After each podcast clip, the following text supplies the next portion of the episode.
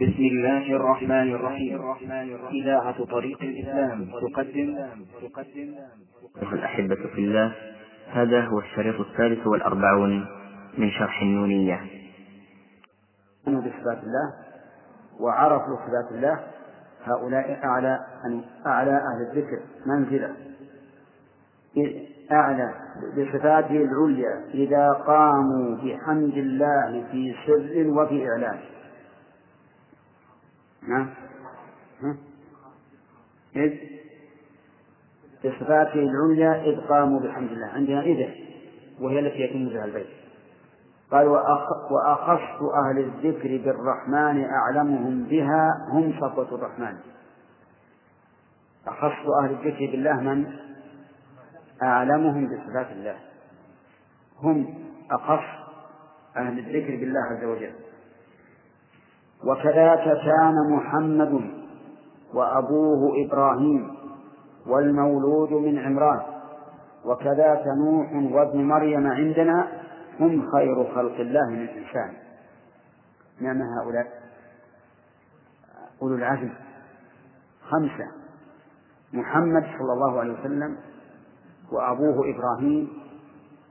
نعم. قال الله تعالى ملة أبيكم إبراهيم.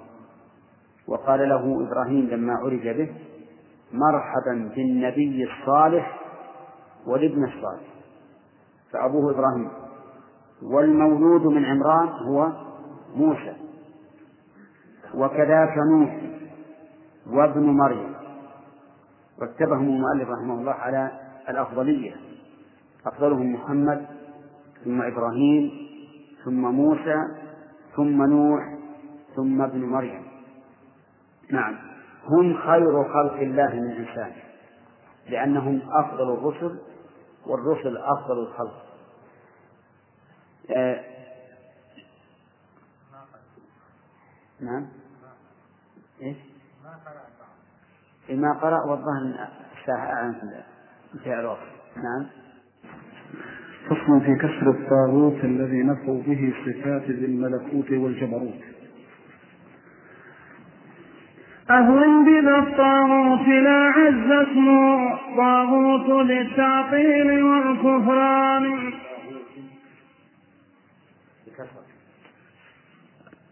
اللي أهون بذا الطاغوت الثاني ليس الثاني. طاغوت.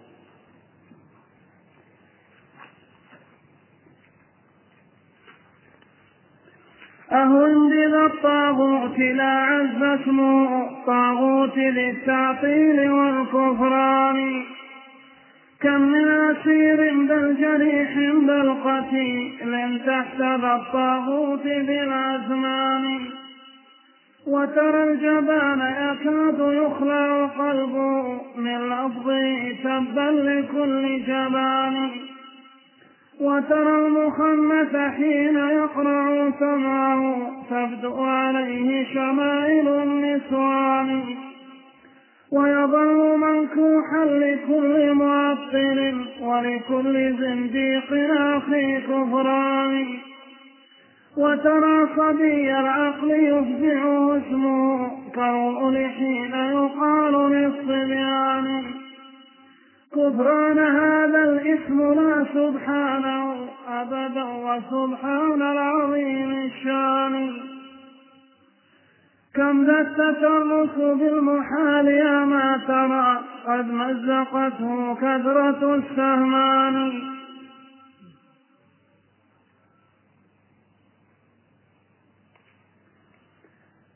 كم ذا التترك بالمحال يا ما ترى؟ قد مزقته كثرة السهمان جسم وتجسيم وتشبيه أما سائغون جسم. وتجسيم وتشبيه أما سائغون من فشر ومن هذيان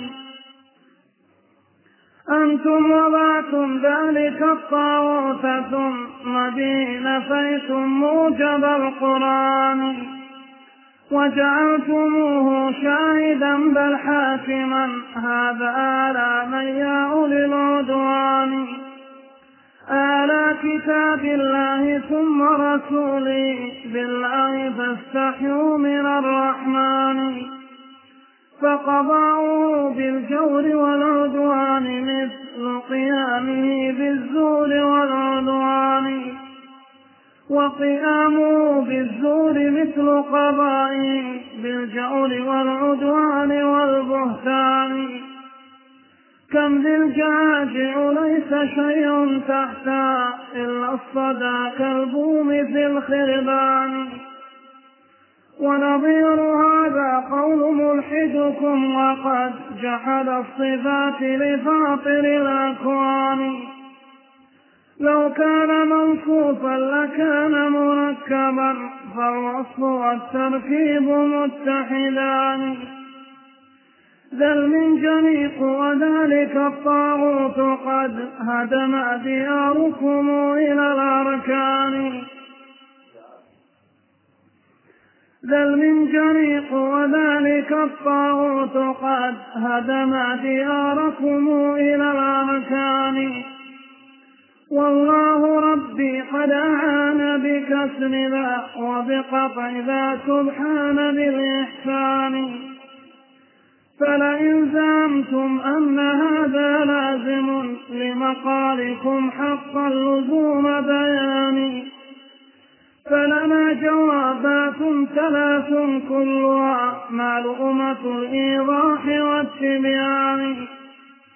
منع اللزوم وما بأيديكم سوى دواء مجردة عن البرهان لا يرتضيها عالم أو عاقل بل تلك حيلة مفلس فتان فلئن زعمتم أن منع لزومي منكم مكابرة على البطلان فجوابنا الثاني امتناع النفي في ما تدعون لزومه ببيان فجوابنا الثاني امتناع النفي في ما تدعون لزومه ببيان إن كان ذلك لازما للنص والملزوم حق وهو ذو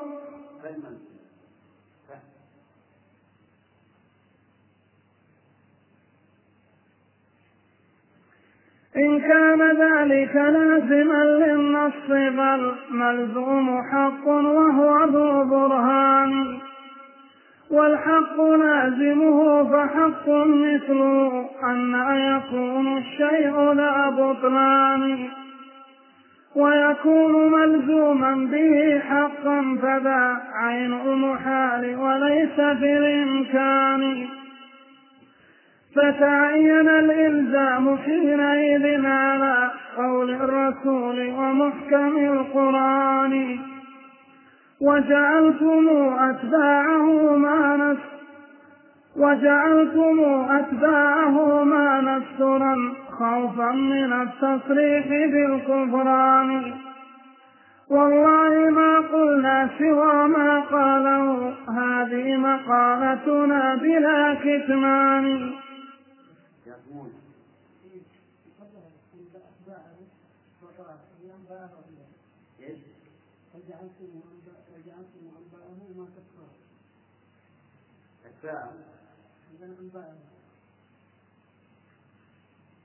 إن كان ينبغي في البيت أبوها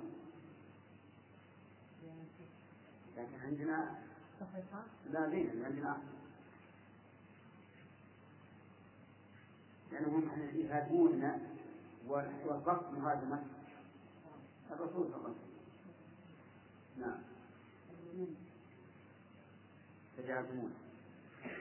فجعلتمونا جنة والقصد مفهوم فنحن وقاية القرآن. هذا وثالث ما نجيب به. هذا وثالث هذا وثالث ما نجيب به. هو استبشاركم يا فرقة العرفان ماذا الذي تعنون بالجسم الذي ألزمتمونا أوضحوا ببيان؟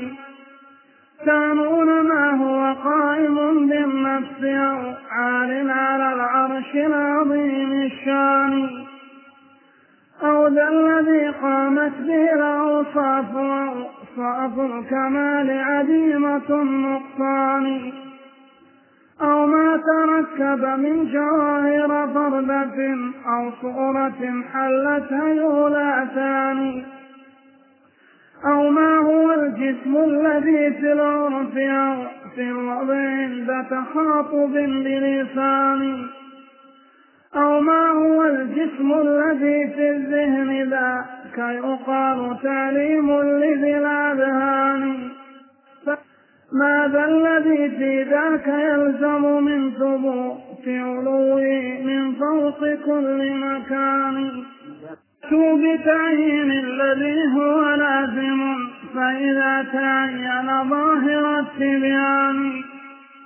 فأتوا ببرهانين برهان اللزوم ونفي لازمه فذان اثنان والله لو نشرت لكم أشياخكم عجزوا ولو وطأهم الثقلان. إن كنتم أنتم فحولا فابرزوا ودعوا الشكاوى حيلة النسوان.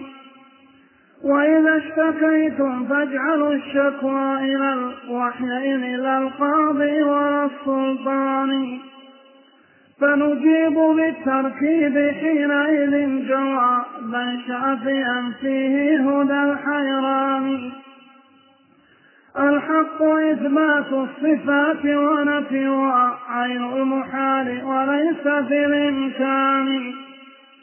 فالجسم إما لازم لثبوتها فهو الصواب وليس ذا بطلان. أو ليس يلزم من ثبوت صفاته فشنآت الإلزام بالبهتان. فالمنع في إحدى المقدمتين معلوم البيان إذا بلا نكران المنع إما في اللزوم أو انتفاء اللازم المنسوب للبطلان. هذا هو الطاغوت قد أضحى كما أبصرتموه بمن. هذا هو الطاغوت قد أضحى كما أبصرتموه بمنة الرحمن.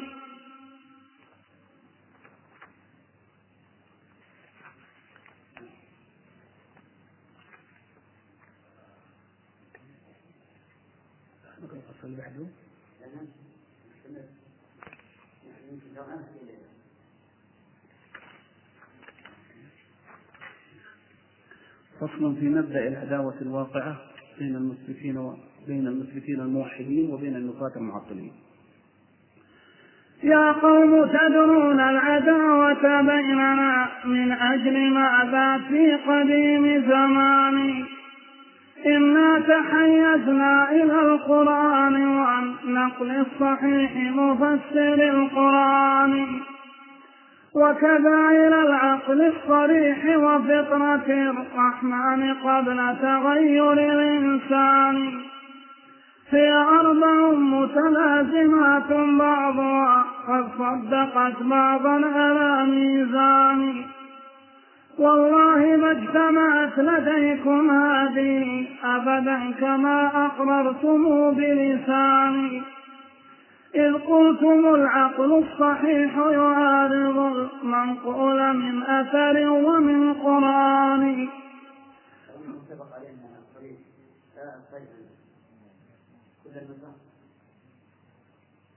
إذ قلتم العقل الصحيح إذ قلتم العقل الصحيح يعارض المنقول من أثر ومن قرآن.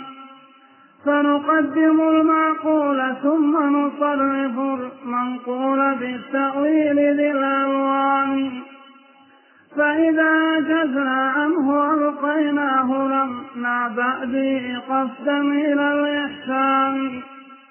ولكم بذا سلف لهم ولكم بذا سلف لهم تبأ ولكم بذا سلف لهم تابعتم لم أدعوا للأخذ برق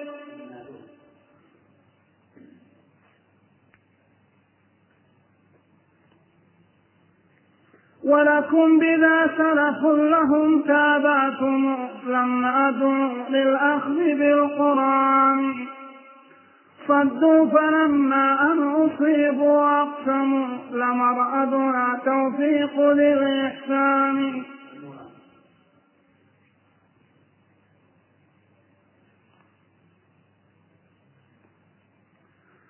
صدوا فلما أن أصيبوا أقسموا لمرادنا توفيق للإحسان. ولقد أصيبوا في قلوبهم وفي تلك العقول بغاية النقصان. فأتوا بأقوال إذا حصلتها وسمعت ضحكا فأتوا بأقوال إذا حصلتها وسمعت ضحكة هازل مجان هذا جزاء المعرضين عن الهدى متعوضين زخارف الهذيان واضرب لهم مثلا بشيخ القوم يأبى السجود بكبر ذي طغيان. ثم ارتضى أن صار قوادا لأرباب الفسوق وكل ذي عصيان وكذاك أهل الشرك قالوا كيف ذا بشر أتى بالوحي والقرآن؟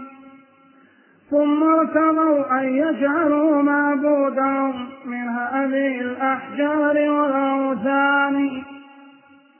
وكذاك عباد الصليب حموا تباركهم من وكذا وكذاك عباد الصليب حموا وك وكذاك عباد الصليب حموا بتاركهم من النسوان والولدان. وأتوا إلى رب السماوات لولا جعلوا له ولدا من الذكران. وكذلك الجهمي نزه ربه عن عرشه من فوق ذي الأكوان حذرا من الحصر الذي في ظني أي حذرا من الحصر الذي في ظنه أو أن يرى متحيزا بمكان فأصاره عدما وليس وجوده متحققا في خارج الأذهان. ورميتم أهل الحديث بأشياء فأصاره عدما وليس وجوده متحققا في خارج الأذهان.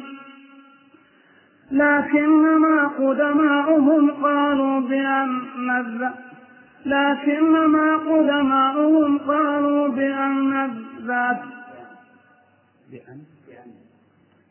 لكنما قدماؤهم قالوا بأن الذات قد وجدت بكل مكان. جعلوه بالآبار والأنجاس وال والحنافي جعلوه في الآبار والأنجاس والحانة والخربات والقيام. والقصد أنكم تحيزتم إلى الآراء وهي كثيرة الهذيان فتلونت بكم فجئتم أنتم متلونين عجائب الألوان. وعرفتم قول الرسول على الذي قد قاله الأشياخ عرض وزان وجعلتم أقوالهم ميزان ما قد قاله والقول في الميزان.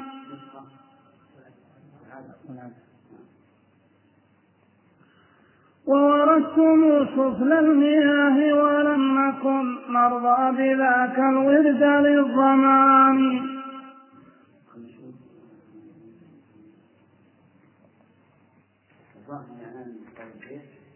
وأخذتم أنتم بنيات الطريق ونحن سرنا الأعظم السلطان. وأخذتم أنتم بنيات الطريق ونحن سرنا الأعظم السلطان. وجعلتم ترس الكلام مج جنكم وجعلتم ترس الكلام مجنكم. تبا لذاك الترس عند طعام ورميتم أهل الحديث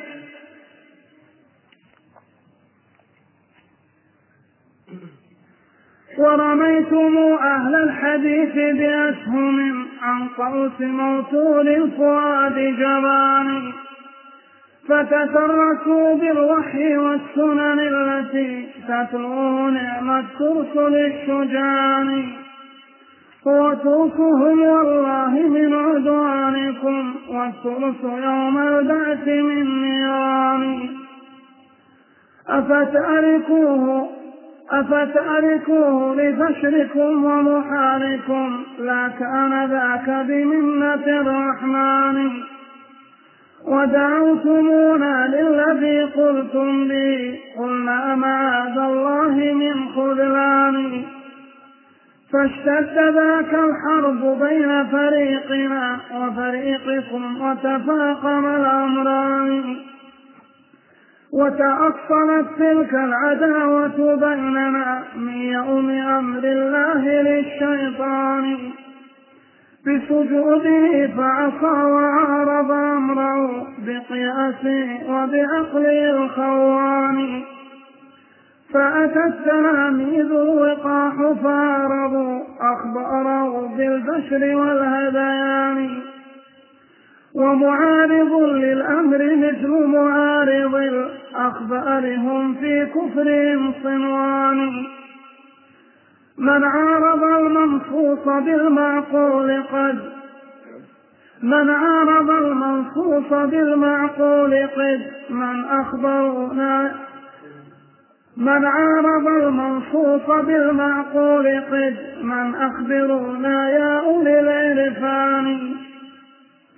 أو ما عرفتم أنه القدري والجبر. أو ما عرفتم أنه القدري والجبري وأيضا ذاك في القرآن.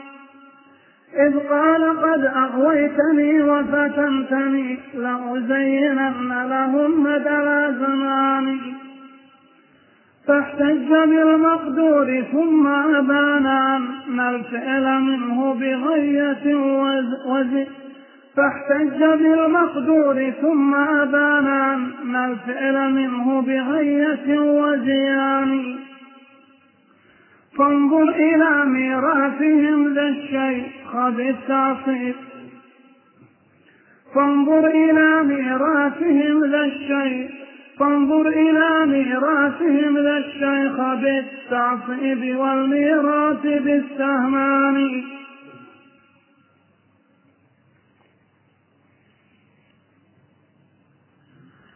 فانظر إلى ميراثهم ذا فانظر إلى ميراثهم ذا الشيخ بالتعصيب والميراث بالسهمان.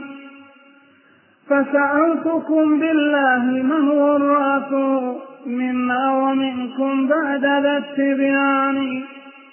هذا الذي ألقى العداوة بيننا إذ ذاك واتصلت إلى ذا الآن.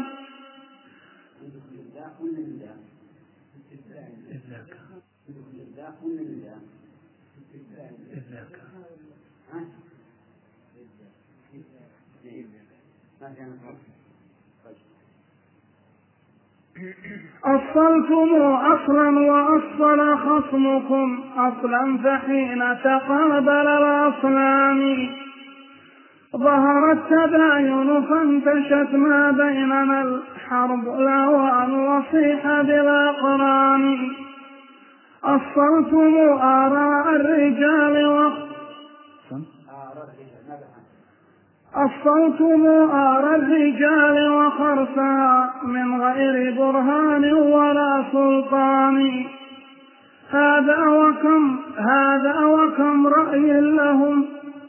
فبرأي من؟ هذا وكم رأي لهم؟ فبرأي من؟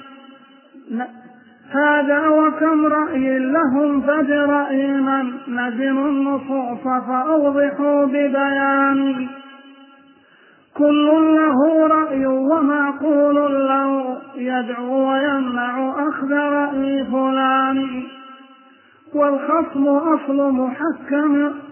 والخصم أصل محكم القرآن مع قول الرسول وفطرة الرحمن.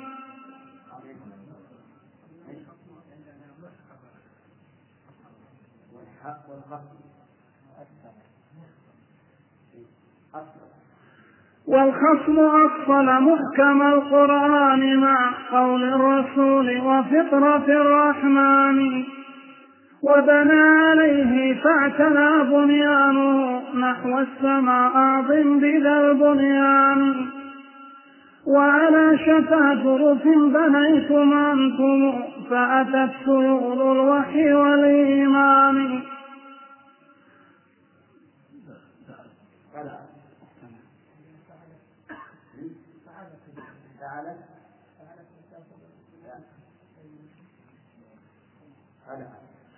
قلعت أساس بنائكم فتهدمت تلك السقوف وخر للأركان الله أكبر لو رأيتم ذلك البنيان حين على كمثل دخان.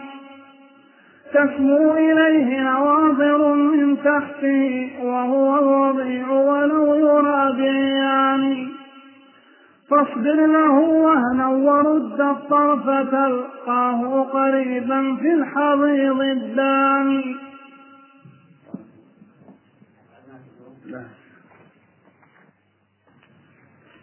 بسم الله الرحمن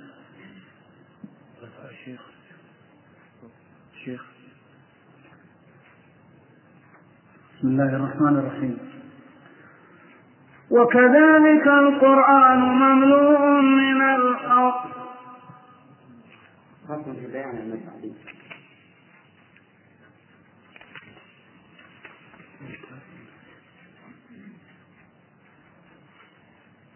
ذلك كل اللي في دراستنا قضى. ها؟ فصل في بيان أن التعطيل أساس الزندقة والكفران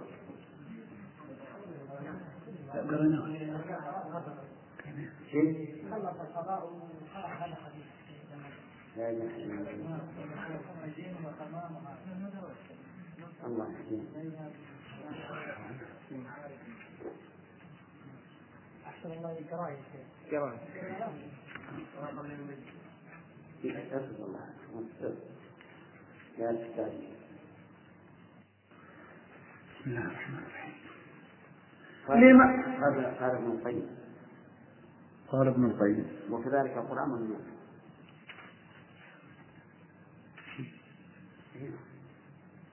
وكذلك؟ القرآن ممنوع. هذه بقت كتاب أول. أي طيب. وكذلك القرآن مملوء من الأوصاف وهي القصد بالقرآن.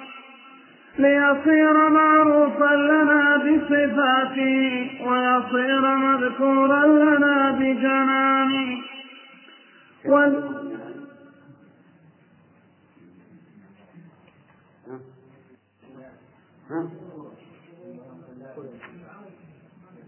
ما قرأ اقرأها يا. حتى علامة الشارع.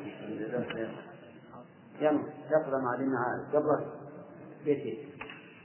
لمعارف حصلت لهم بصفاته لم يؤتى أحد من الإنسان. وهم أولو العزم الذين بسورة الأحزاب والشورى أتوا ببيان. وكذلك القرآن مملوء من الأوصاف وهي القصد بالقرآن. ليصير معروفا لنا بصفاته ويصير مذكورا لنا بجنانه ولسان أيضا مع محبتنا له فلأجل ذا الإثبات بالإيمان مثل الأساس من البناء فلم يرم هدم الأساس فكيف بالبنيان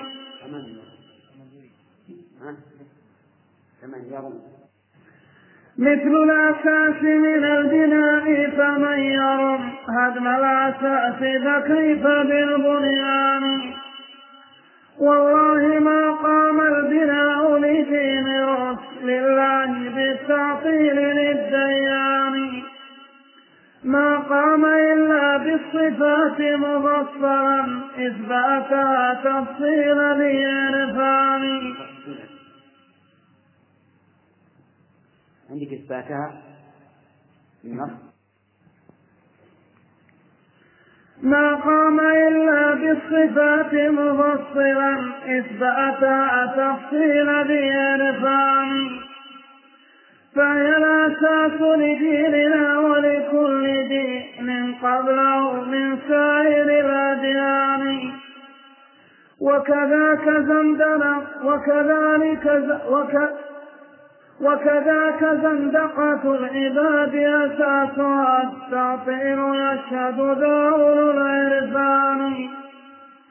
والله ما في الأرض زندقة بدت إلا من التعطيل والنكران. والله ما في الأرض زندقة بدت من جانب الإثبات والقرآن. هذه هذه زنادقة العباد جميعهم ومصنفاتهم بكل مكان. ما فيهم أحد يقول الله. ما فيهم أحد يقول الله فوق العرش مستول على الأكوان. ويقول إن الله جل جلاله متكلم بالوحي والقرآن. ويقول إن الله كلم عبده موسى فأسماه بذي الآذان. ويقول إن النقل غير معارض للعقل بل أمران متفقان. والنقل جاء بما يحار العقل فيه والنقل جاء بما يحار العقل فيه. لا كما قلت أولا العقل فيه. والنقل جاء والنقل جاء بما يحار العقل فيه لا بالمحال البين البطلان. فانظر إلى الجهمي كيف أتى إلى الهدى ومعاقل الإيمان ها؟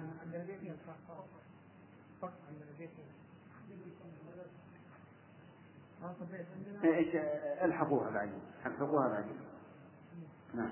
بمعاول التعطيل يقطعها فما يبقي على التعطيل من إيمان.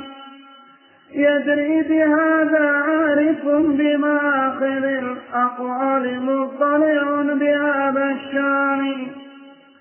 والله لو حدقتم لرأيتم هذا وأعظم منه رأي عيان لكن على تلك العيون غشاوة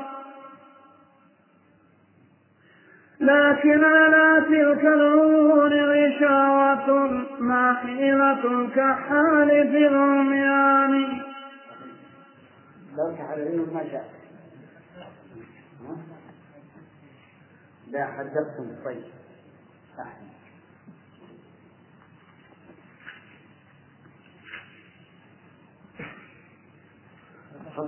أحسن. مشى وصل من الآن؟ وين المشى؟ من من أول بمعارف.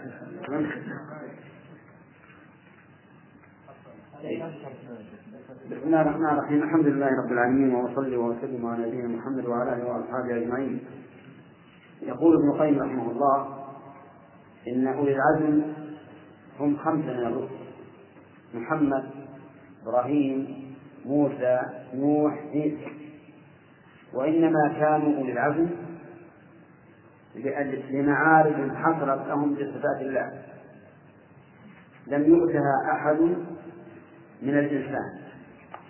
ولا شك أن هؤلاء الرسل الخمسة نالهم أو أتاهم من العلم بالله وأسمائه وصفاته ما لم يحصل لغيرهم. ثم النبيون والرسل على طبقات.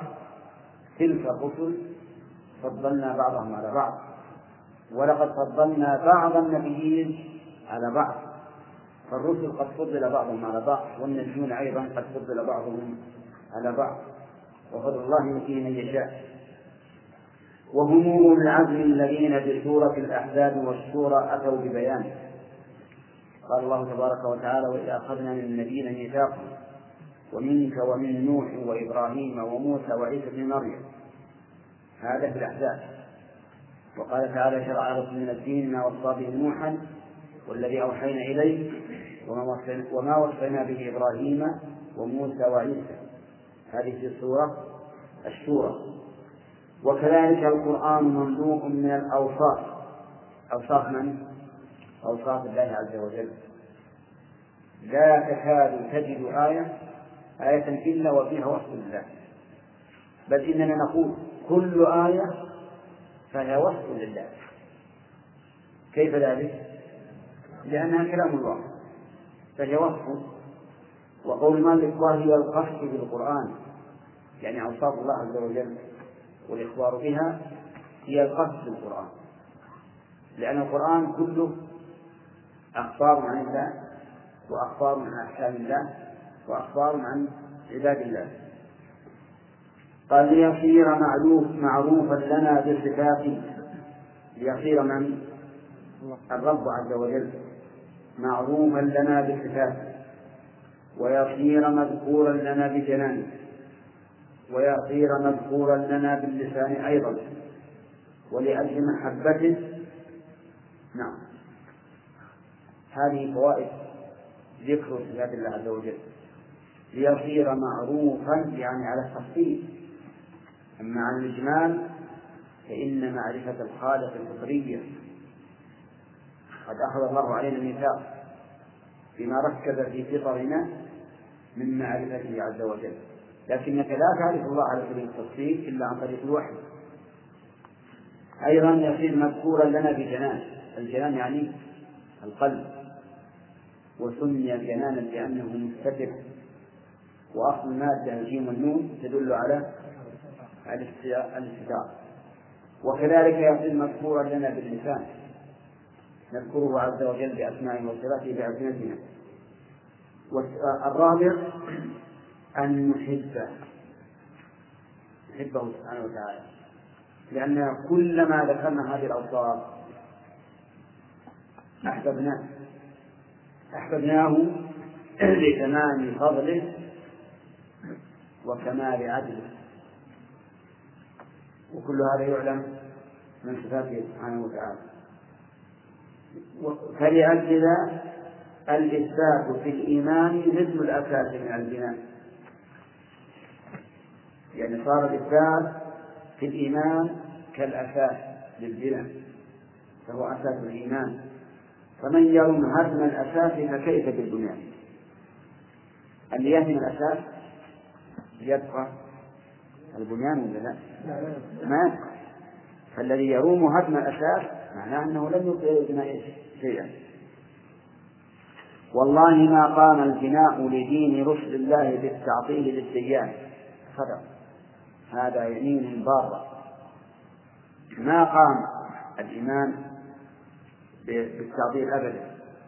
ما قام البناء لدين رسل الله بالتعطيل للديان ما قام إلا بالصفات مفصلا إثباتها تفصيل ذي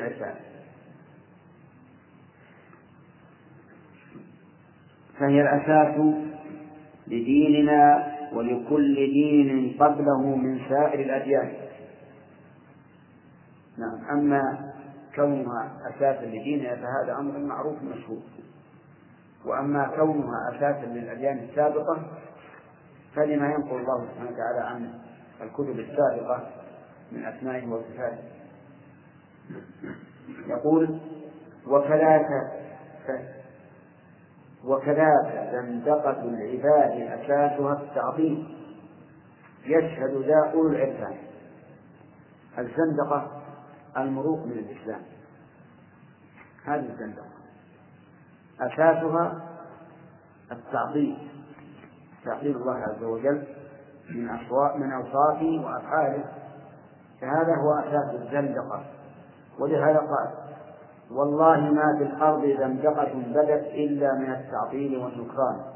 والله ما في الأرض زندقة بدت من جانب الإثبات والقرآن. فهذا القسم تضمن إثباته ونفيه إثبات أن الزندقة بدت من التعطيل ونفي أن تكون الزندقة بدت من من الإثبات. هذه زنادقة العباد جميعهم ومصنفاتهم بكل مكان. يعني ترجع إلى أقوال هؤلاء الزنادقة وإلى مصنفاتهم تجد أنهم بنوا زندقتهم على التعطيل ما ثم قال ما منهم أحد يقول يقول الله فوق العرش مستول على الأكوان ما فيهم أحد يقول الله فوق العرش مستول على الأكوان ما فيهم أحد يقول إن الله فوق العرش ومستول على الأكوان الطيب منه يقول الله مستول على العرش. كما هو مستول على الأرض وعلى السماء وعلى البشر وعلى نعم. طيب. يقول وما فيه أيضا؟ ويقول إن الله جل جلاله متكلم بالوحي والقرآن. ما من أحد يقول متكلم بالوحي والقرآن؟ منهم من يقول إن القرآن مخلوق باع من الله.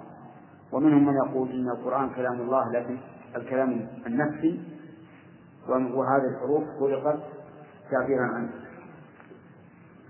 ويقول إن الله كلم عبده موسى فأسمعه بذي الآذان.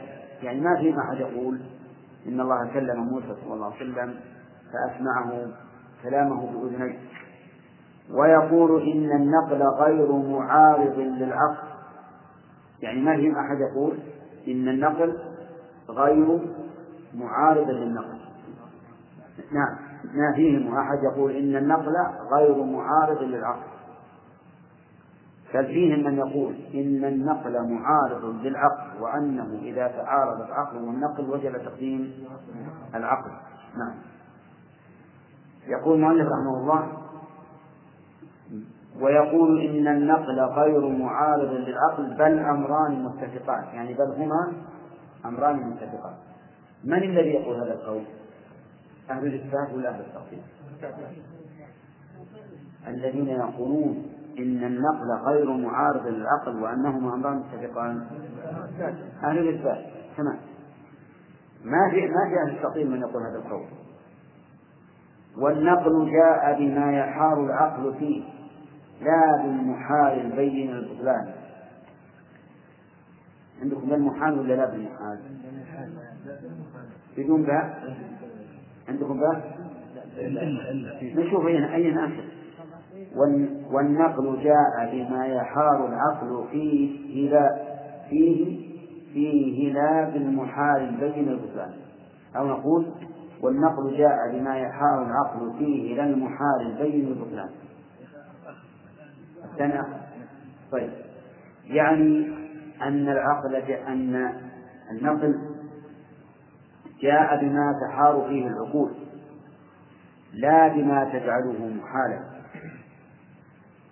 الضباط النقل لم يأتي بشيء محال لكن جاء بما يحير العقول. وهذا هو هو الواقع لكن تحيير العقول بما جاء به النقل لا يدل على فساد النقل. بل يدل على قصور العقول حيث حارت بهذا مثلا آه، النقل جاء بأن الله عز وجل على عرش وأنه ينزل إلى السماء الدنيا. يحار العقل يقول كيف ينزل؟ وهو على عرشه.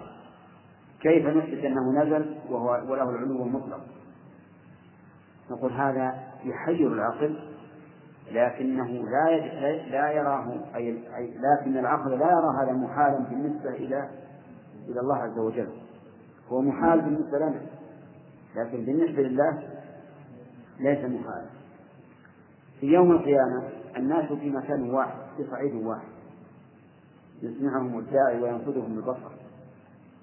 منهم من يعرف حتى يبلغ العرق كعبيه ومنهم من يصل إلى ركبتيه ومنهم من يصل إلى حقويه ومنهم من يلجمه وهم في صعيد واحد ومكان واحد.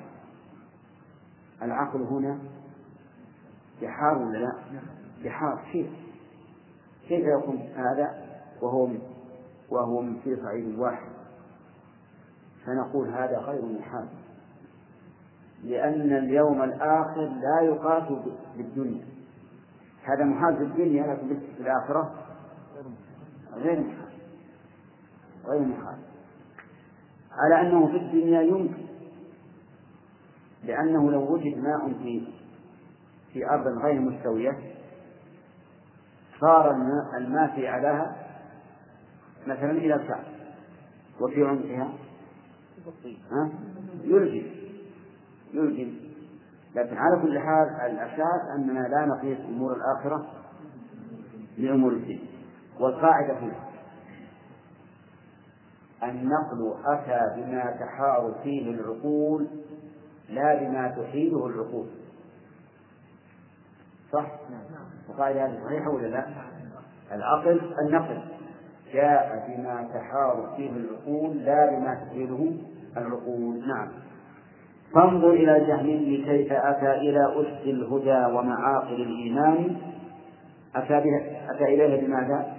بمعاول التعطيل يقطعها فما يبقى على التعطيل من إيمانه أو فما يبقى على التعطيل من إيمانه. الجهمي نسبة إلى الجهم بن صفوان. نعم. طيب. نعم نعم. بيت فقط. ويقول إن الله جل جلاله متكلم بالوحي والقرآن. اظن خلاص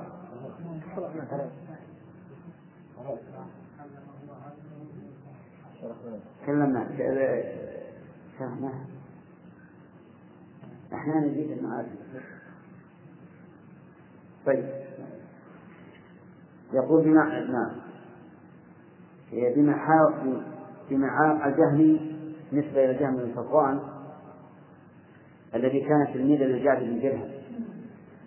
وجعد بن درهم هو أول من قال بالتعقيد لأنه أي جعد بن درهم قال كلمتين قال إن الله لم يتخذ إبراهيم خليلا ولم يكلم موسى تكليما فأخذها عن الجهل من صفوان ونشره فنسبت إليه. والجعد هذا يقال إن خالد بن عبد الله القصري أحد أمراء بني أمية. خرج به موثوقا بوثاق إلى مصلى العيد. وقال أيها الناس ضحوا تقبل الله ضحاياكم. فإني مضح بالجعد بن درهم. إنه زعم أن الله لم يتخذ إبراهيم خليلا ولم يكلم موسى تكليما. ثم نزل فذبحه وكانوا فيما سبق من عهد الرسول عليه الصلاة والسلام يخرجون بضحاياهم إلى مصلى العيد يذبحونها هناك.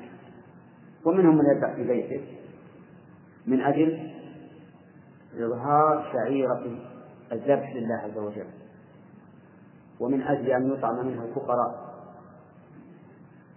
يقول ابن القيم النونية ولأجل إذا ضحى بجعد خالد القصري يوم ذبائح القربان إذ قال إبراهيم ليس خليله كلا وعلى موسى الكليم الداني شكر الضحية كل صاحب سنة لله ذكرك من أخي قربان طيب الجهم تلميذه ونزل عمله يقول يجري بهذا عارف بمآخذ الأقوال مطلع بهذا الشأن. يعني يدري العارف بمآخذ الأقوال. أن التعطيل سبب لهدم الإيمان. وإن كان الرجل السطحي لا يعرف هذا الشيء لكن الرجل المتعمق عبد الله. الرجل المتعمق يعرف أن التعطيل هدم للإيمان. والله لو حدثتم ولرأيتم هذا وأعظم منه رأي عيان لكن على تلك العيون غشاوة ما حيلة الكحال في العميان. الجواب لا حيلة والله أعلم.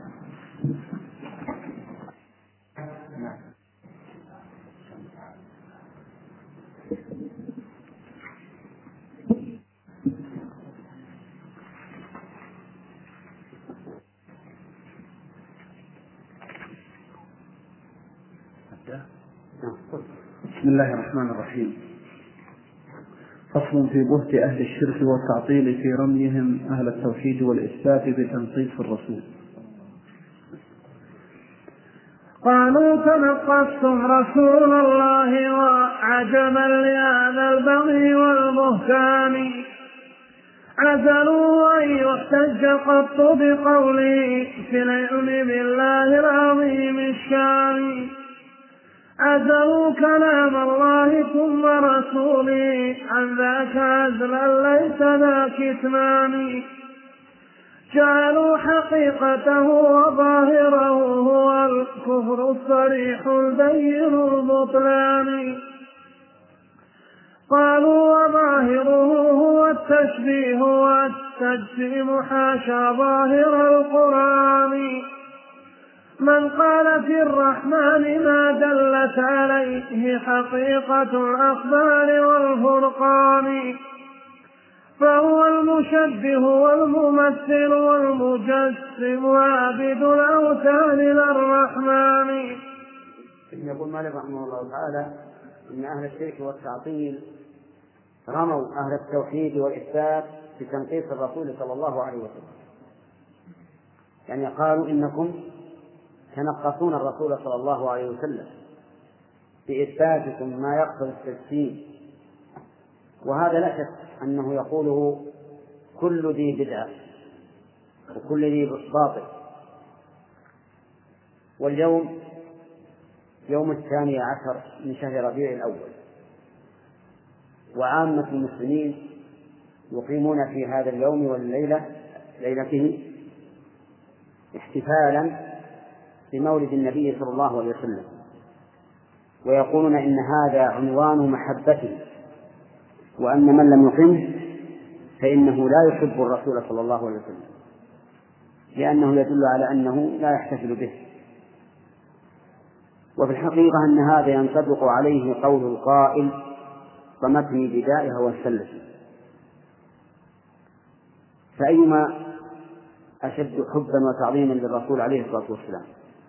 رجل يقول أنا أحذي أحذو حذوة وأتتبع أثره ولا أخرج عن سنته ولا أبتدع في شرعه ما ليس منه ورجل آخر يقول لا لا بد أن أفرض إرادتي وأحدث في دينه ما ليس منه.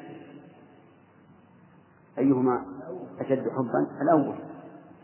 فهذا رسول الله صلى الله عليه وسلم وهذا أبو بكر وهذا عمر وعثمان وعلي رضي الله عنهم وسائر الصحابة والتابعين والأئمة الأربعة ومن على شاكلتهم كلهم لم يقيموا احتفالا لمولد الرسول صلى الله عليه وسلم مع أن الأمر متيسر وسهل والنفوس تدعو إليه والسبب موجود.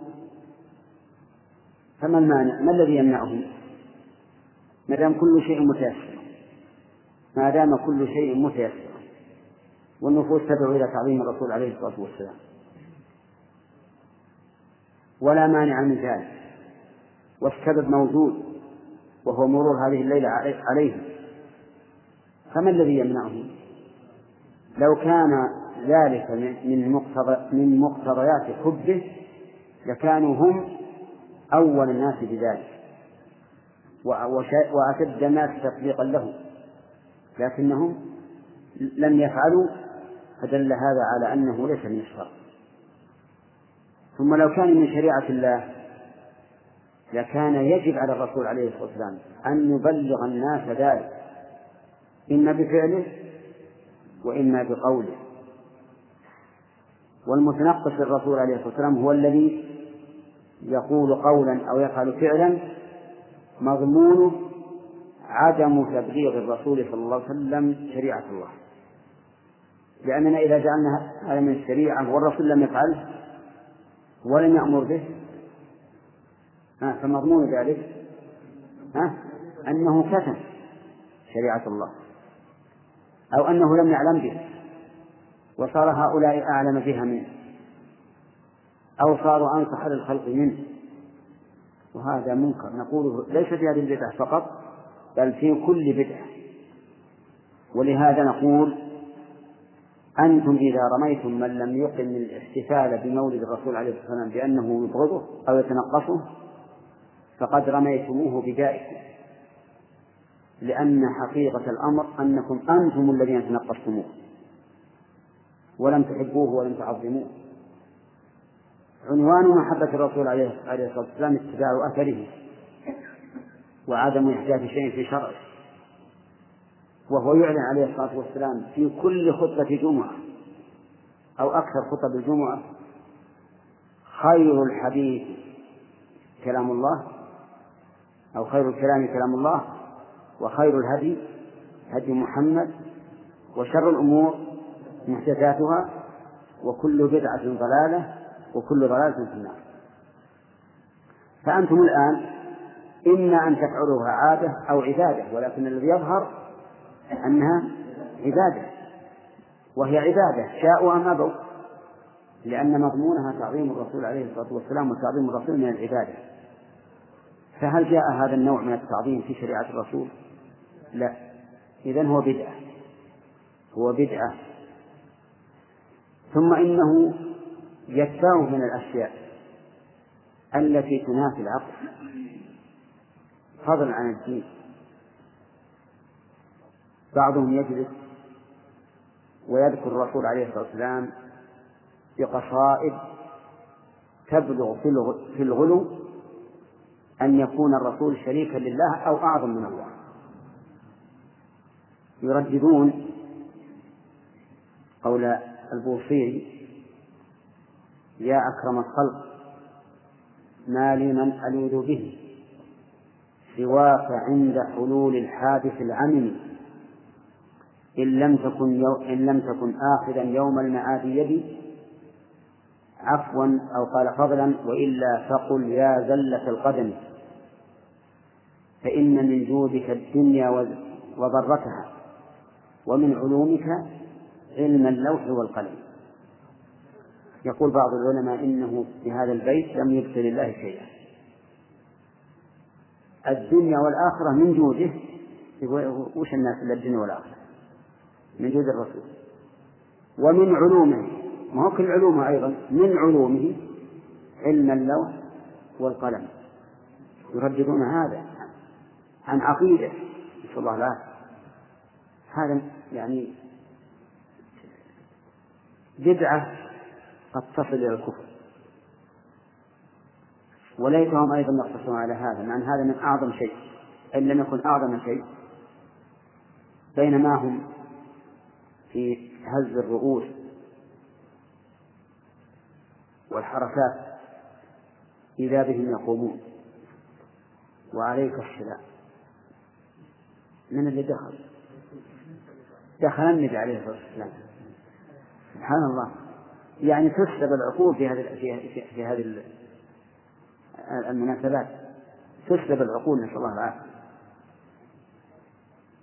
العلم عند الله لكن لو أنهم كلفوا بهذا من قبل الشرع هل يقومون بها على هذا الوجه؟ الله أعلم. لكن الظاهر لا يقومون. الله أعلم. لكن كيف يكلفون أنفسهم مساكين في أشياء لا يزيدهم من الله إلا بعدا؟ ولكن الجهل الجهل والشيطان هو الذي يحدث مثل هذه الأمور. لأنهم إذا عظموا الرسول كما يقول في هذه الليلة نسوه في بقية الأيام. مرة في السنة وتنتهي مع أن الرسول عليه الصلاة والسلام قد رفع الله ذكره بغير هذا. في الأذان يعلن أشهد أن محمدا رسول الله. خمس مرات في اليوم والليلة. في الصلاة فرض على الإنسان أن يقول السلام عليك أيها النبي وأن يقول أشهد أن لا إله إلا الله وأن محمدا رسول الله. هل يجون أعظم من هذا من هذه الذكرى؟ ها؟ لا أعظم من هذه الذكرى. في اليوم والليلة فرض على الإنسان أن يعلن هذا. خمس مرات على أعلى مكان فرض على المسلمين كفاية. وفرض على كل مصلي أن يقول السلام عليك أيها النبي وأن يقول أشهد أن لا إله إلا الله وأشهد أن محمدا عبده ورسوله. والمشكل أن مثل هؤلاء نسأل الله لنا ولكم الهداية يدعون أن من لم يفعل ذلك فهو يبغض الرسول. سبحان الله. فما أشبه الليلة بالبارحة. ما أشبه كلام ابن القيم رحمه الله في كلام هؤلاء. يقول قالوا تنقصتم رسول الله وعجبا لهذا البغي والبهتان. صدق. ها؟ هذا عجب أن أهل السنة والجماعة المتبعين للوحيين الكتاب والسنة هم الذين يقال عنهم إنهم تنقصوا الرسول. عزلوه أن يحتج قط بقوله في العلم بالله العظيم الشان. من اللي عزله؟ أهل التعطيل. عزلوه أن يحتج بقول الرسول عزلوا الرسول أن يحتج بقوله في الله في العلم بالله العظيم الشان. لأنهم لا يحتجون بأحاديث الصفات. إن جاءت عن طريق التواتر ولم يكن لهم بد من دفعها حرفوها وإن جاءت عن طريق الآحاد قالوا هذه عقيدة ولا تثبت بخبر الواحد. فمزقوا السنة بهذه الطريقة.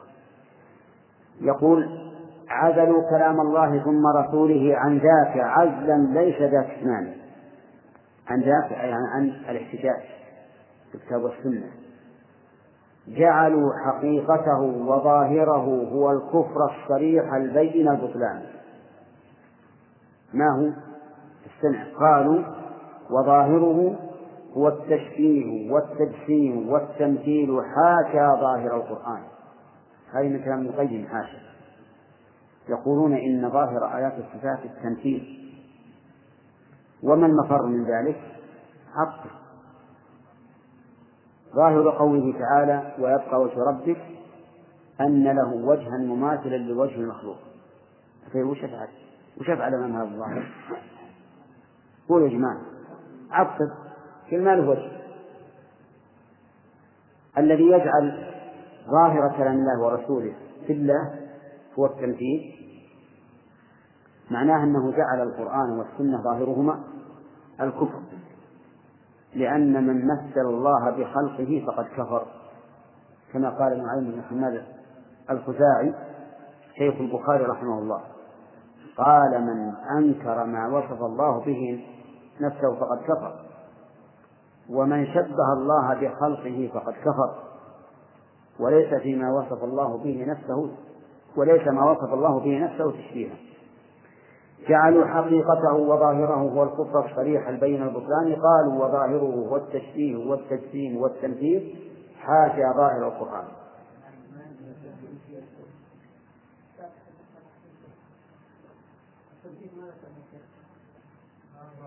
قالوا وظاهره هو التشبيه والتجسيم والتمثيل ما عندكم التمثيل؟ لا الحقوق. حاشا ظاهر القرآن. يعني يزيد؟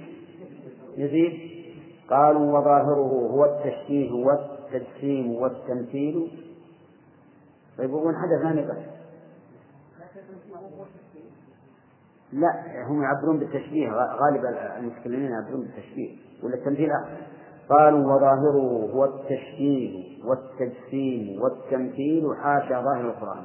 يطول شوي لكن لو حدثناه ينزل قالوا وظاهره والتشبيه والتج سين حاشا ظاهر القرآن. ما يخالف ما نعم. من قال؟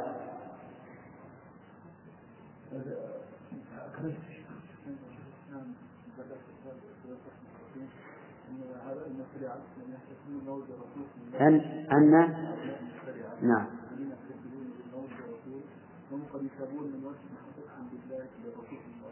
نعم. صحيح يعني يثابون على ما في قلوبهم من حب الله الرسول. لكنهم يعاقبون على ما أحدثوا من البدعة. يعني قد يثابون قد يثابون من وجه لكنهم لا يثابون إذا بين لهم أن هذه بدعة وأصروا عليها.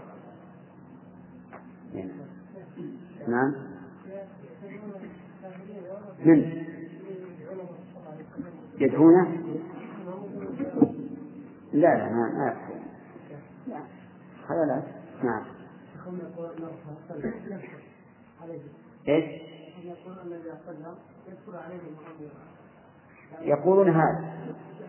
فإذا قل فإذا قيل لهم كيف يمكن هذا؟ قالوا روحه تجسدت بصورة جسده فحضرت. ها؟ صحابة. خيال صحابة خيال على كل حال احمد الله. على العافية واسأل الله لهم العافية. نعم. نعم.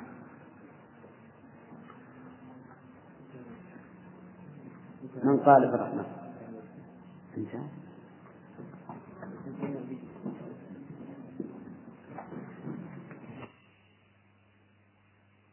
ما في سؤال بعد الأذان. إن قررنا بعد الأذان ما في إلا إلا ما إلا درس ما بعد الأذان. ما أدري أنا سبحان الله. في بحور يا جماعة؟ في عبد الرحمن داوود. ها؟ عبد الرحمن بن داوود. وين راح؟ ها؟ هرب. ها؟ والله هذا على كل حال أظنه هرب ها؟ كيف؟ وين؟ طيب خلي ها؟ عجيب إيه. ها؟ الباقون مسافرون خلى جل الجلال ما نبدأ ما ننتظر خاف ما ندري شيء سم بسم الله الرحمن الرحيم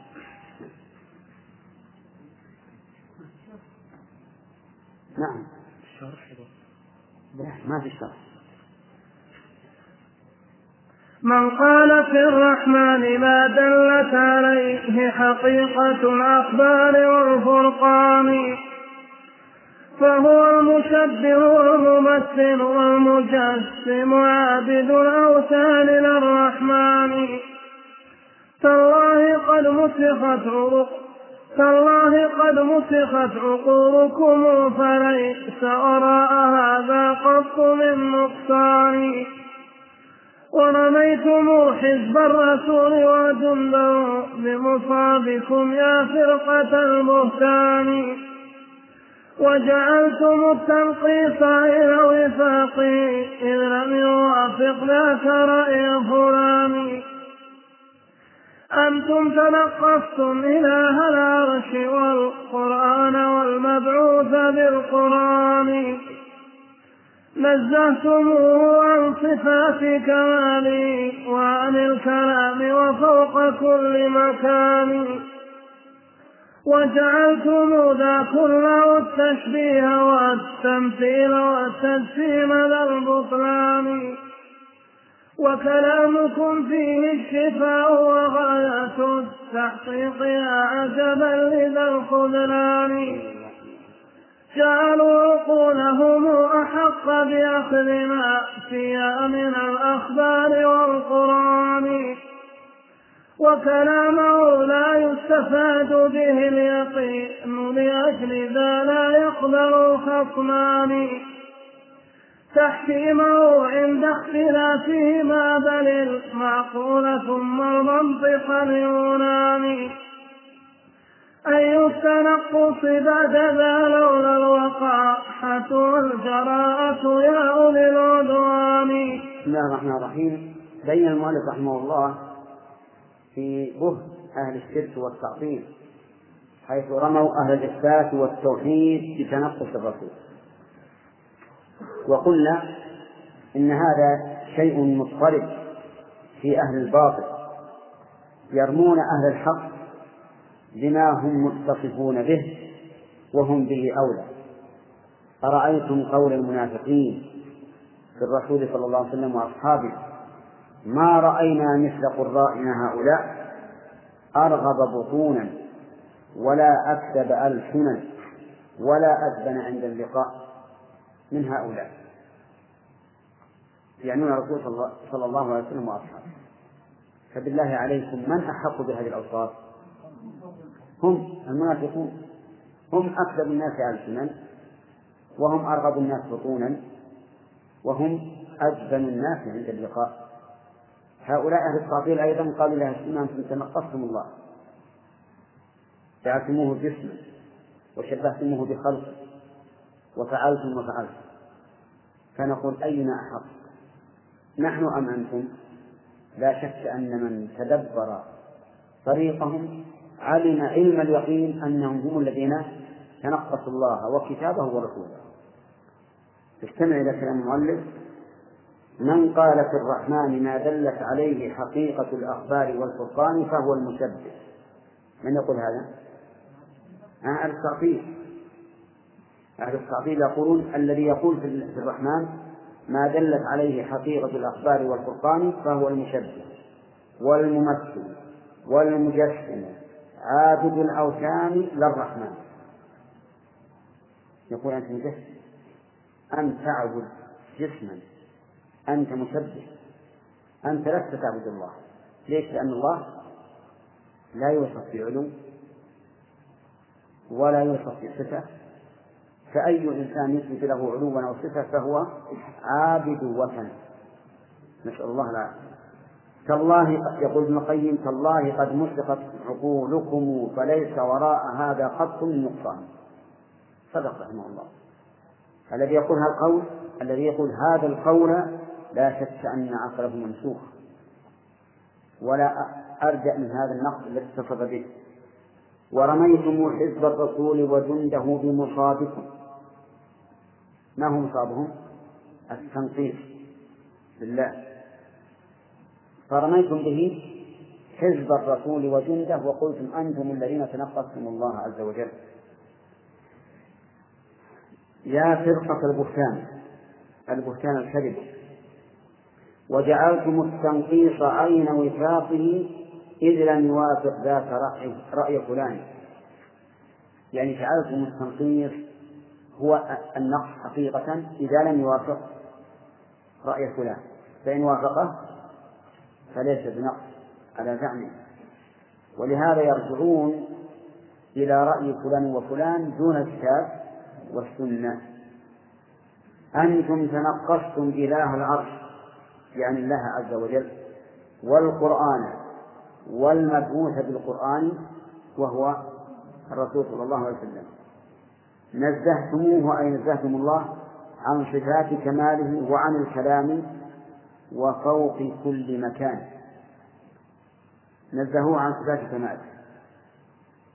ولهذا كانوا ينكرون الصفات المعطلة. والأشاعرة يثبتون منها سبعا فقط. ونزهتموه على زعمكم عن الكلام. فقلتم إنه لا يتكلم. ونزهتموه عن الفوقية عن فوق كل كلام كل مكان. لأنهم يقولون إن الله ليس فوق. وينقسمون كما سمعتم أولا. أن أول الجهمية كانوا حلولية. يقولون إن الله بذاته في كل مكان. وآخرهم معطلة. يقول ليس ليس فوق ولا تحت ولا يمين ولا يسار ولا متصل ولا منفصل ولا مباين ولا منحاز كما مر. يقول وجعلتم ذا كله التشبيه والتمثيل والتجسيم ذا البطلان.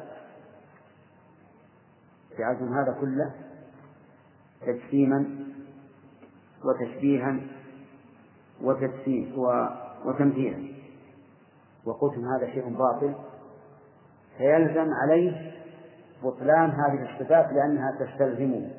وقد سبق الجواب عليهن فلا تعود في كلام المؤلف رحمه الله. وكلامكم يعني وكلامكم يعني وجعلتم كلامكم. فيه الشفاء وغاية التحقيق يا عجبا لذا الخذلان والله هذا هو الخذلان أن يرى الإنسان كلامه الباطل حقا. هذا هو المقصود الحقيقة. لأن من رأى البطلان في كلامه أوشك أن يهتدي. لكن من رأى أنه على حق فهذا هو الخذلان. إذا كان على باطل. يقول الله تعالى قل هل ننبئكم بالأخسرين أعمالا؟ من؟ الذين ضل سعيهم في الحياة الدنيا وهم يحسبون أنهم يحسنون صنعا. جعلوا عقولهم أحق بأخذ ما فيها أحق من الأخبار والقرآن. من الأخبار هذه المتعلقة لا. بأحق. جعلتم جعلتم نعم جعلوا عقولهم عقولهم أحق بأخذ ما فيها أحق من أي شيء؟ من الأخبار والقرآن. وجعلتم أيضا كلامه لا يستفاد به اليقين لأجل ذا لا يقبل الخصمان لا إيش؟ تحكيمه عند اختلافهما. جعلوا كلام الله لا لا لا يفيد اليقين. لماذا؟ قال لأن دلالة الألفاظ ظنية. دلالة الألفاظ ظنية. عرفتم؟ حتى لو قلت قام زيد فدلالته على قيامه ظنية احتمال أن يكون قام بمعنى استقام واحتمال أن يكون زيد الشخص المشبه بزيد فاستعير له اسم زيد. كيف؟ ولهذا قالوا جميع الدلالات اللفظية عندهم قاعدة كل الدلالات اللفظية ظنية وسبحان الله الدلالات العقلية التي فيها أوهام تكون عندهم قطعية ولهذا يقول وجعلتم وكلامه لا يستفاد به اليقين لأجل ذا أي لأجل كونه لا يستفاد به اليقين لا يقبل الخصمان تحكيمه عند اختلافهما إذا دعوا إلى القرآن قال والله القرآن دلالة لفظية. والدلالة اللفظية لا تفيد اليقين.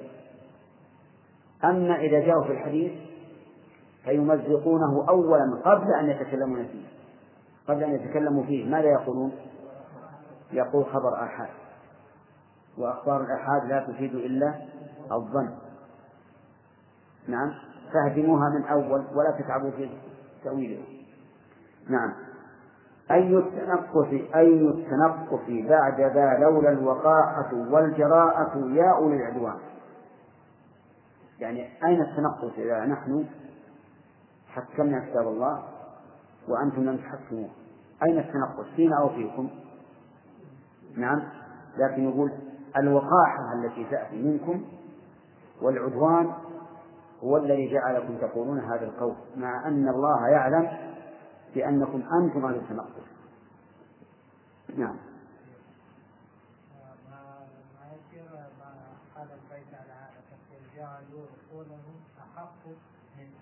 أحق أحق.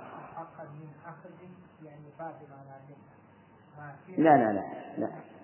أحق بالأخذ أحق بأخذ ما فيها من الأخبار. لا ما نعم. ها؟ أي لا الجر أحسن يصلح فوق أنا يعني منصوبة على لكن الجر أحسن. نعم. يا من له عقل ونور قد غدا يمشي به في الناس كل زمان. لكننا قلنا مقالة صارخ في كل وقت بينكم بأذان. الرب رب والرسول فعبده حقا وليس لنا إله ثاني فلذاك لم نعبده مثل عبادة الرحمن فعل المشرك النصراني كلا ولم نغل الغلو كما نهى عنه الرسول مخافة الكفران. لله حق لا يكون لغيره ولعبده حق هما حقان. لا تجعل الحقين حقا واحدا من غير تمييز ولا فرقان. فالحج للرحمن دون رسوله وكذا الصلاة وذبح ذا القربان. وكذا السجود ونذرنا ويميننا وكذا متاب العبد من العصيان وكذا التوكل والإنابة والتقى وكذا الرجاء وخشية الرحمن وكذا العبادة واستعانة به إياك نعبد ذلك توحيدان. وعليهما قام الوجود بأسره دنيا وأخرى حبذا الركنان. وكذلك التسبيح والتكبير والتهليل حق إلهنا الديان. لكنما التعزيز والتوقير برا تعزير. لكنما التعزير والتوقير حق للرسول بمقتضى القرآن. والحب والإيمان والتصديق لا يختص بل حقان مشتركان. هذه تفاصيل الحقوق ثلاثة لا تجهلوها يا أولي العدوان. حق الإله عبادة يقول مالك رحمه الله تعالى في هذه القطعة أين التنقص؟ بعد ذا لولا الوقاحة والجراءة يا أولي العدوان يا من له عقل. يا من له عقل. يخاطب من له عقل. يقول أين التنقل؟ هل نحن الذين تنقصنا كلام الله عز وجل ورسوله أم هم؟ يا من له عقل. يا من له عقل ونور قد غدا يمشي به في الناس كل زمان. كانه يقول احكم بيننا. هل نحن أهل التنقيص أو هم؟ طيب ثم قال لكننا قلنا مقالة صارخ في كل وقت بينكم بآذان يعني أننا لا نبالي. نقول الحق ونصرخ به بينكم. كما قال الله تعالى لنبيه قل الله أعبد مخلصا له ديني فاعبدوا ما شئتم من دونه. فالمؤمن يصرخ بالحق ولا يبالي ويتعدى أهل الباطل. لكننا قلنا مقالة صارخ في كل وقت بينكم بأذان الرب رب. والرسول فعبده. الرب رب والرسول عبد. نعم. حقا وليس لنا إله ثاني. بل الله واحد. فلذاك لم نعبده أي لم نعبد الرسول صلى الله عليه وسلم مثل عبادة الرحمن فعل المشرك النصراني. النصراني عبد رسوله. أرسل الله عيسى إلى النصارى فآل بهم الأمر حتى غلوا فيه فجعلوه إلها ثانيا. كلا ولم نغل الغلو كما نهى عنه الرسول مخافة الكفران. الرسول صلى الله عليه وسلم حذر من أن نغلو فيه لماذا؟ لئلا يؤدي ذلك إلى الشرك والكفر. ولهذا قال مخافة الكفران. لأن الغلو في الشخص يلحقه بالإله ويلحق الغالية بالمشرك. طيب إذا نحن ننزل الرسول صلى الله عليه وسلم منزلته ونجعل حق الله له وحده لا شك فيه غيره. ولهذا قال المؤلف لله حق لا يكون لغيره ولعبده حق لا يكون لله. إذا كان هما حقان. في حق ثالث مشترك. سيذكره المؤلف. فالحقوق ثلاثة.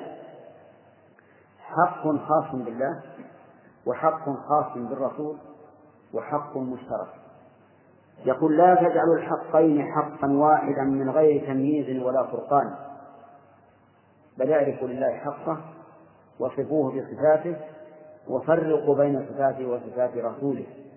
طيب. لا تجعلوا الحقين حقا واحدا من غير تمييز ولا فرقان فالحج للرحمن. دون رسول. الحج لله. لا نحج إلا لبيت الله. المشركون يحجون للقبور يشدون الرحم ويطوفون على القبور أشد من طوافهم على الكعبة. يجد هذا المشرك ارتباطه بصاحب القبر عند طوافه به أشد من ارتباطه بالله عند طوافه ببيته وهذا مشاهد مشاهد. هل هؤلاء الذين يحجون إلى القبور هل هم مخلصون عابدون لله؟ لا بالعكس. فالحج للرحمن دون رسوله وغير الرسول من باب أولى وكذا الصلاة وذبح ذا القربان لله. الصلاة لله. لو سجد أحد لغير الله سجدة واحدة كان كافرا مشركا. كذلك الذبح. ذبح ذا القربان تقربا وتعظيما لا يكون إلا لله. وأما ذبح الذبح للضيف إكراما فهذا ليس من الشرك. لأن الذابح للضيف يذبح له على أنه مفتقر إلى هذه الذبيحة ليأكل منه. لا لمجرد التعظيم. أما الذي يذبح لله فهو يذبح ذلك تعظيما له معتقدا أن الله غني عنه. ولهذا لو جاء ضيف كبير فذبحنا له الغنم إكراما وقدمناها ليأكل ليأكلها فهذا ليس بشرك. ليس بشرك. أليس كذلك؟ الصعب بن جسامة ذهب وصاد للرسول صلى الله عليه وسلم حمارا وحشيا وجاء به إليه ليكرمه به ولم يقل الرسول هذا شرك بل رده لأنه كان محرما. طيب لو أن هذا الرجل الضيف الكبير لما جاء ذبحنا بين يديه الغنم تعظيما له وتقربا إليه. صار شرك شرك. العمل واحد. لكن اختلف إيش؟ النية الآن ذبحناه لا على أنه محتاج الله يأكلها ولكن تعظيما له. ولهذا قال المؤلف ذبح ذا القربان. يعني الذي يقصد به التقرب للمذبوح له دون الإكرام. ها؟ لا. وذبح هذا يعني هذا القربان. لا لا صاحب القربان ذا القربان. وكذا السجود لمن؟ لله. ونذرنا ويميننا. وكذا متاب العبد من عصيانه. نعم. السجود لله. النذر لله. لا يجوز للإنسان أن يقول للنبي علي نذر أن أصوم. أو أنا أن أصلي أو للولي علي نذر أو للولي علي نذر أن أذبح له أو ما أشبه ذلك. وكذا المتاب وكذا متاب العبد من عصيانه إلى من؟ إلى الله. إلى الله. لا إلى غيره. فإن قال قائل ماذا تجيبون عن حديث عائشة؟ حين جاء الرسول عليه الصلاة والسلام فوجد في البيت نمرقة فيها صور. فوقف وعرفت كراهية وجهه. فقالت عائشة أتوب إلى الله ورسوله. ماذا أذنبت أتوب إلى الله ورسوله. وأنتم تقولون إن التوبة خاصة لله. فنقول إن عائشة رضي الله عنها حاشاها أن تشرك بالله معه غيره. لكنها تقول أتوب إلى الله عبادة وإلى رسوله اتباعا. لأن الرسول صلى الله عليه وسلم هو المشرع المبلغ عن الله. فهي تتوب إلى الرسول اتباعا له لا تقربا إليه كما تتقرب إلى إلى الله عز وجل. كأنما تقول أنا لا أقصد أن أخالف الرسول عليه الصلاة والسلام. أنا أن أخالفه. إنما أقصد شيئا لا لا يكرهه الرسول عليه الصلاة والسلام. نعم. يقول وكذا التوكل والإنابة والتقى. التوكل على من؟ على الله عز وجل. على الله. تتوكل على الله وحده. قال الله تعالى ومن يتوكل على الله فهو حسبه. وهذا بخلاف الاعتماد على العبد فيما يقدر عليه كتوكيل العبد في بيع أو شراء. فإن الإنسان يعتمد عليه لكنه ليس كتوكله على الله. الإنسان يتوكل على وكيله وهو يرى أنه فوقه أنه فوقه وأن وكيله يأتمر بأمره.